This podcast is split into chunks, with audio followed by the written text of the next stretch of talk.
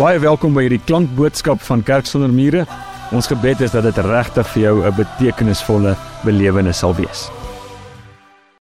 Here God, U is vir ons so so goed. Ons wil U loof en prys dat wanneer ons deur die bril van Jesus kyk na ons verledes, ons verskillende dinge sien wat U gedoen het in ons lewens sodat ons kan getuig en sê Jesus Christus leef. Here mag Galasiërs 1 vandag met elkeen van ons praat op 'n baie baie spesiale en 'n unieke manier.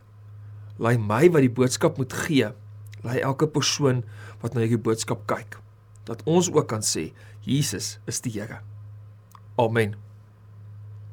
Ek wil begin deur 'n storie te vertel wat vir my wonderlik was. Dis die teoloog N.T. Wright. Sy naam is hy's uh, N.T. Wright. Hy's 'n Britse teoloog. Hy fokus baie op die Nuwe Testament. Hy's een van die wêreldkenners op die verhaal van Paulus. Hy het ook 'n boek geskryf oor Paulus se lewe wat absoluut briljant is. Dis een van daai boeke as jy 'n teoloog of 'n dominee is, dan wil jy hom 3-4 keer lees want jy kry elke keer net 'n klomp waarheid binne in dit. Nou hy begin om 'n storie te vertel van 2003 2003. Hy as 'n Engelsman is baie baie lief vir Engelse rugby. Julle sal weet in 2003 wen Engeland die Wêreldbeker. En dan vertel hy die volgende verhaal daaroor. Hy sê op daai stadium is hy in Amerika in 'n hotel en nie een van die TV's wys die Wêreldbeker eindstryd Engeland teen Australië 2003. Dit was in Australië gespeel nie. Hy sien glad nie die wedstryd nie. Hy het nie daai belewenis nie. Maar net na dit kry hy nog 'n SMS. Die van julle wat nog kan onthou wat SMS'e was. Vir die jong mense, dit was die ou tyd se WhatsApp waar jy nou spam kry waar jy moet lewensversekering uitneem op jou selfoon. Deesdae dit word vir SMS'e meeste van die tyd gebruik word. Maar hy sê ek kry SMS om te sê Engeland het die rugby wêreldbeker gewen. Johnny Wilkinson het in die dood snikke. Het hy hierdie skepskop oorgesit en hulle het gewen en hy's in ekstase. Hy spring op en af met hierdie wonderlike goeie nuus. Wow, dis great. Hy wil dit vir almal vertel. Nou hardloop hy in die hotel rond en nou kry hy 'n portier.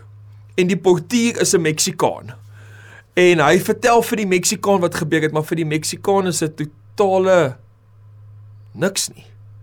Want die Meksikaan verstaan niks van Engelse rugby, Australiese rugby, die feit dat rugby ontstaan het in Engeland in die 1800s en hy dit in die eerste keer in die wêreldbeker wen nie, vir hom maak dit niks sin nie. En hy wil hierdie wonderlike boodskap deel. Engeland het die wêreldbeker gewen. Dit maak vir hierdie ou geen sin nie. En die volgende ou wat hy raakloop is Australië. En die Australië wil definitief nie met hom praat daaroor dat Engeland sopas die rugby wêreldbeker gewen het nie, want vir hom is dit onsin. Die skeieregter was verkeerd. Australië moes gewen het. Vir hom is dit niks nie. Nou wat Tom Right hierdie probeer vir ons sê is vir daai eerste mense vir deur wie vir wie Paulus die evangelie verkondig. Dis vir hulle soos om te hoor van die rugby wêreldbeker. Vir baie van daai mense beteken dit niks. Vir baie ander mense is dit onsin. As Paulus met die Grieke praat dan sê hulle, "Wat? Hierdie seun van God, aarde toe gekom, opgestaan uit die dood, opgevaar hemel toe en hy bid vir ons by die Vader." Nee, wat? Dit klink vir hom onsin. En as hy praat met die Jode wat in hierdie metafoor eintlik soos die Australiese ondersteuners is, gaan hulle sê nee, dis als leuns. Dis glad nie waar nie. Hulle het net sy liggaam gesteel. So wanneer ons dink aan Paulus wat besig is om hierdie wonderlike evangelie te verkondig, moet ons besef dis amper soos om vir mense te vertel van die rugby wêreldbeker wat deur Engeland gewen is. Vir die een is dit onsin, vir die ander een is dit totale leuns en vir die derde een, en dis die mense met wie Paulus connect met wie hy 'n spesiale verbintenis kry. Vir hulle is dit hoop. Nou ek wil hê hierdie boodskap vandag moet vir jou dieselfde hoop gee. So wanneer ons so kyk na Paulus se bekering, dan besef ons dat Paulus kom in 'n oomblik tot bekering. Ons lees daarvan in Handelinge. Hy kom vir 'n oomblik kom hy tot bekering.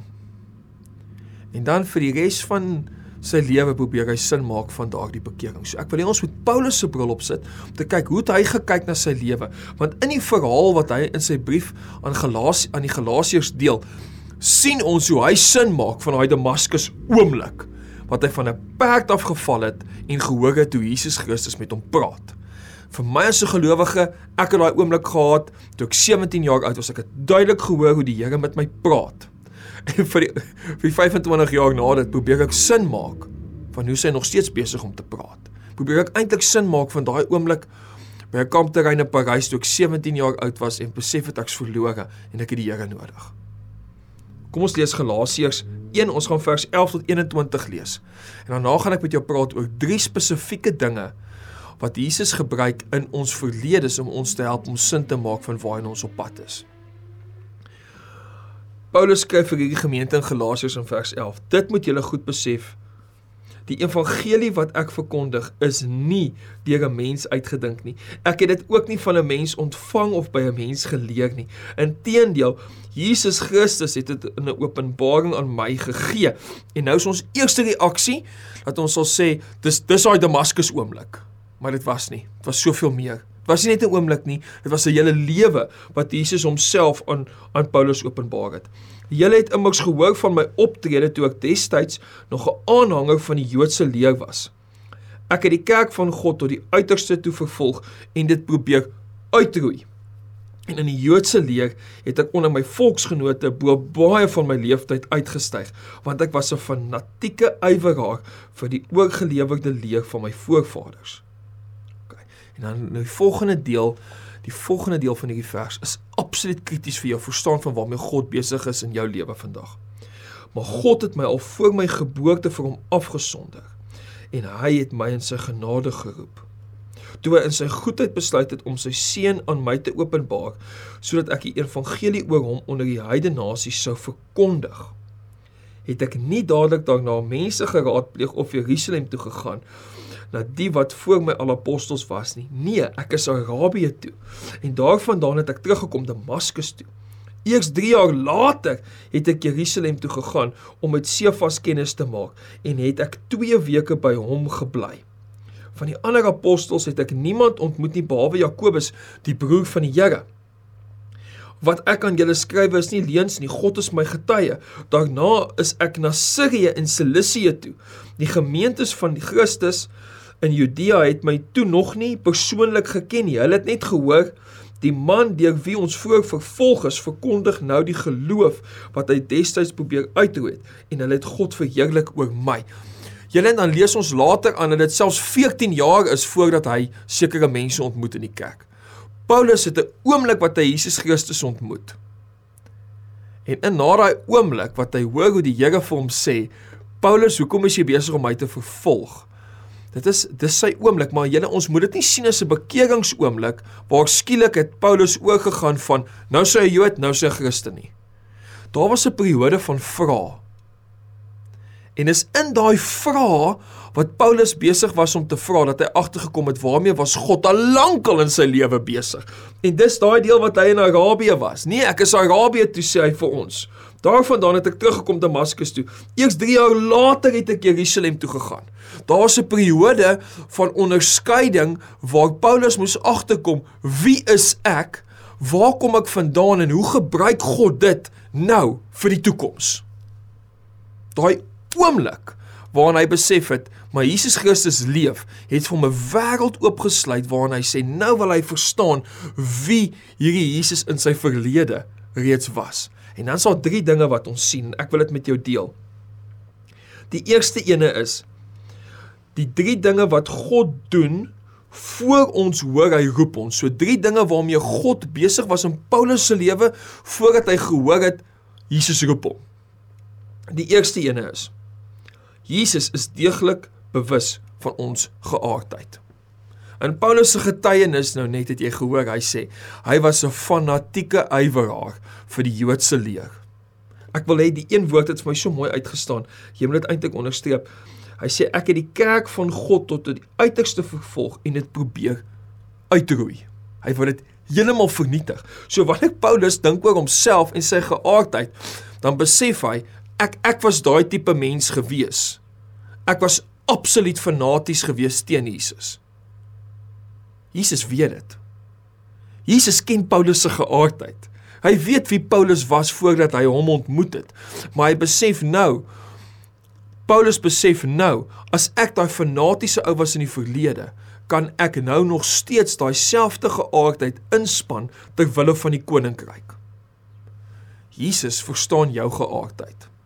As jy vandag 'n sagmoedige persoon is en jy kyk terug op jou lewe en jy sien maar ek was sagmoedig, dan wil Jesus vandag daai selfde sagmoedige geaardheid gebruik. As jy iemand is wat baie keer te vinnig gepraat het as jy terugkyk na jou verlede, dan wil Jesus daai te vinnig praat baie keer nou gebruik om te vinnig te praat oor Jesus as jy by die inkopiesentrum is. As jy iemand is wat in jou geaardheid iemand was in die verlede wat stil is en teruggetrokke is, wat wag voordat jy praat, dan wil Jesus dit ook nou gebruik in die koninkryk. Jesus ken jou geaardheid. En Paulus sê dit so mooi, want hy sê ek sal voor my geboorte was ek al bestem. Die Here het al my geaardheid op 'n sekere manier gebruik toe hy nog besig was om my te vorm as mens in my ma se maag, was hy al besig om my te vorm op 'n sekere manier tot eer en verheerliking van sy naam. Lank voordat hy my gestuur het, was hy besig om my voor te berei. Die eerste ding wat Jesus doen is, hy ken ons geaardheid lank voordat hy ons stuur. En hy stuur ons met ons geaardheid. Die tweede ding wat ons sien wat belangrik is, is Jesus is deeglik bewus van ons familie. Hy hy verstaan ons families en waar ons vandaan kom. Nou Paulus was iemand wat gekom het uit 'n baie ryk Joodse familie volgens oorlewering. Jesus weet dit en hy gebruik dit. Want wanneer Paulus later in sy lewe sou kom op 'n plek waar hy gevange geneem word, dan sê hy: "Wag, ek ken my regte. Ek's 'n Romeinse burger. Ek beroep myself op die keiser." Ons lees die hele verhaal van Handelinge 22 tot aan die einde van Handelinge, hoe Paulus homself beroep op die keiser, 'n Romeinse burger mag dit doen. God weet, Jesus weet, die Heilige Gees weet jou verlede en jou familie is deel van wat hy gaan gebruik vir jou om in die toekoms 'n verskil te maak. Baie van julle wat vandag na hierdie boodskap kyk, is dalk kwaad vir jou familie. Jy wonder hoekom is jy geplaas in hierdie spesifieke plek? Ja, ek wil nie hierdie familie hê nie. Ek verstaan nie hoekom hulle my verlede is nie. Daar's iets daar wat jy gaan moet ondersoek. In daai tyd wat Paulus besig is om te probeer verstaan wat Jesus in sy verlede gedoen het, verstaan hy ook ek kom uit 'n gegoede familie uit en ek kan dit gebruik as 'n werktuig in die koninkryk. Ek kan my familie invloed gebruik op die regte oomblik om deure oop te maak om die evangelie te verkondig. Deel van julle wat dalk vandag hier kyk, is reeds besig om die familie invloed wat jy het te gebruik vir die koninkryk. Maar van julle sê dalk hier, weet jy my familie, dis net stikkend, dis net seer, dit was net swaar kry. Jy kan getuig daaroor. Jy kan getuig oor hoe die Here jou gehelp het om vrede te maak met jou familie in die verlede. En nou dit te gebruik as gestuurde om te sê die Here het nie alles herstel in my verlede met my familie nie, maar hy stuur my na ander families sodat ek vir hulle liefde kan gee, sodat ek daar kan wees vir hulle. Die derde ding wat ons sien so mooi gebeur in Paulus se verhaal is God is deeglik bewus van ons kennis. Paulus praat so mooi daaroor. Hy sê in hierdie pragtige deel. En in die Joodse leer het ek onder my volksgenote bo baie van my leeftyd uitgestyg. Paulus besit 'n sekere kennis. Hy die Joodse leer verstaan en hy gebruik dit sodat hy omdat hy ook ander gelowe van daai tyd geken het, gebruik hy dit so dat hy juis kan gaan praat met heidene. Want hy's wyd belese. Hy die regte ou. Hy verstaan die Joodse leer en hy verstaan hoe die Joodse leer verskil van ander godsdienste. Wanneer hy eh, praat met sekere gemeentes en Handelinge, haal hy die filosofie aan, dinge wat iemand soos Petrus waarskynlik nie sou kon gedoen het nie. Jakobus die broer van Jesus ook nie, wat in 'n sterk Joodse Palestynse kultuur was. Paulus se oë was baie wyer as dit. Hy gebruik sy opvoeding, sy leer, dit wat hy weet oor die wêreld ter eer en verheerliking van God Doen jy dieselfde vandag? Gebruik jy jou kennis om die Here te verheerlik? Miskien is jy vandag 'n CA of 'n ingenieur. Gebruik jy daai kennis wat jy het om vir jou deure oop te maak om die evangelie te verkondig? Voor net so 'n paar weke terug, so pragtige preek oor ander 6 dae van die week. Wat doen jy met die ander 6 dae? Hoe verheerlik jy die Here by die werk? En ek dink dit is 'n briljante boodskap. So gaan kyk weer na dit as jy moet. En as jy nog nie dit gekyk het nie, kan ek dit regtig aanbeveel. Want deel van ons is om te sê as ek 'n sekere hoeveelheid kennis besit, hoe gebruik ek daai kennis tot eer en verheerliking van God? Paulus sê omdat ek 'n sekere hoeveelheid kennis het, wil ek sin maak van Jesus sodat ek in my bekeringsreis gestuur kan word na mense wat glad nie die Joodse kultuur is nie. Gebruik jy dieselfde vandag of staan jy terug? Gebruik jy jou opvoeding, jou kennis wat jy het om te sê nee wat? Dit gaan alles oor my of is dit 'n dienaar van die koninkryk van God? Miskien is jy vandag 'n skrywer, miskien is jy 'n digter, miskien is jy 'n sportafrigter. Gebruik jy dit tot eer en verheerliking van God se naam? Dit is 'n belangrike vraag. Julle hierdie is drie dinge wat ons vind in ons verledes is wat God gebruik om ons te stuur. Hy stuur ons vir daai deur daai drie goed. Hy stuur ons om sin te maak van ons geaardheid. Hoe kan ek my geaardheid gebruik in die toekoms? Hy stuur ons terug om te verstaan wat het ek in my familie geleer sodat ek iets kan verstaan vir dit wanneer ek kan gaan na ander families toe. En die derde ding wat ons in hierdie woord vind in Galasiërs 1 vers 11 tot 21 is.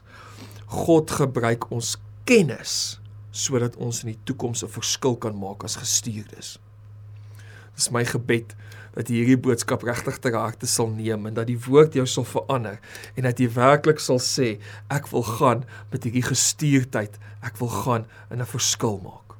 Dis my gebed dat jy in jou reis terug Jesus Christus sal vind in jou geaardheid, in jou familie en in jou opvoeding of jou kennis. Kom ons bid saam. Here Jesus, ons wil so graag gaan en die evangelie verkondig. Ons wil gestuur wees. Maar ons besef soos Paulus, ons het nodig om baie keer terug te gaan en te gaan verstaan wie ons is in ons verledes. Hoe u van die begin van die eeue af ons bestem het om 'n sekere pad met u te stap. Dankie dat ons deur die bril van Jesus kan kyk na ons families, na ons geaardhede en na ons kennis en dat ons dit kan inspann vir die koninkryk. Amen. Indien hierdie boodskap vir jou iets beteken het, dan wil ek vir jou vra, deel dit asseblief met iemand wat jy ken. En moet asseblief nie vergeet nie, ons sal jou bitter graag wil verwelkom by ons in-persoon eredienste op Sondag. Vir meer inligting oor Kerk sonder mure, is jy baie welkom om ons webtuiste te gaan besoek of ons op sosiale media te volg.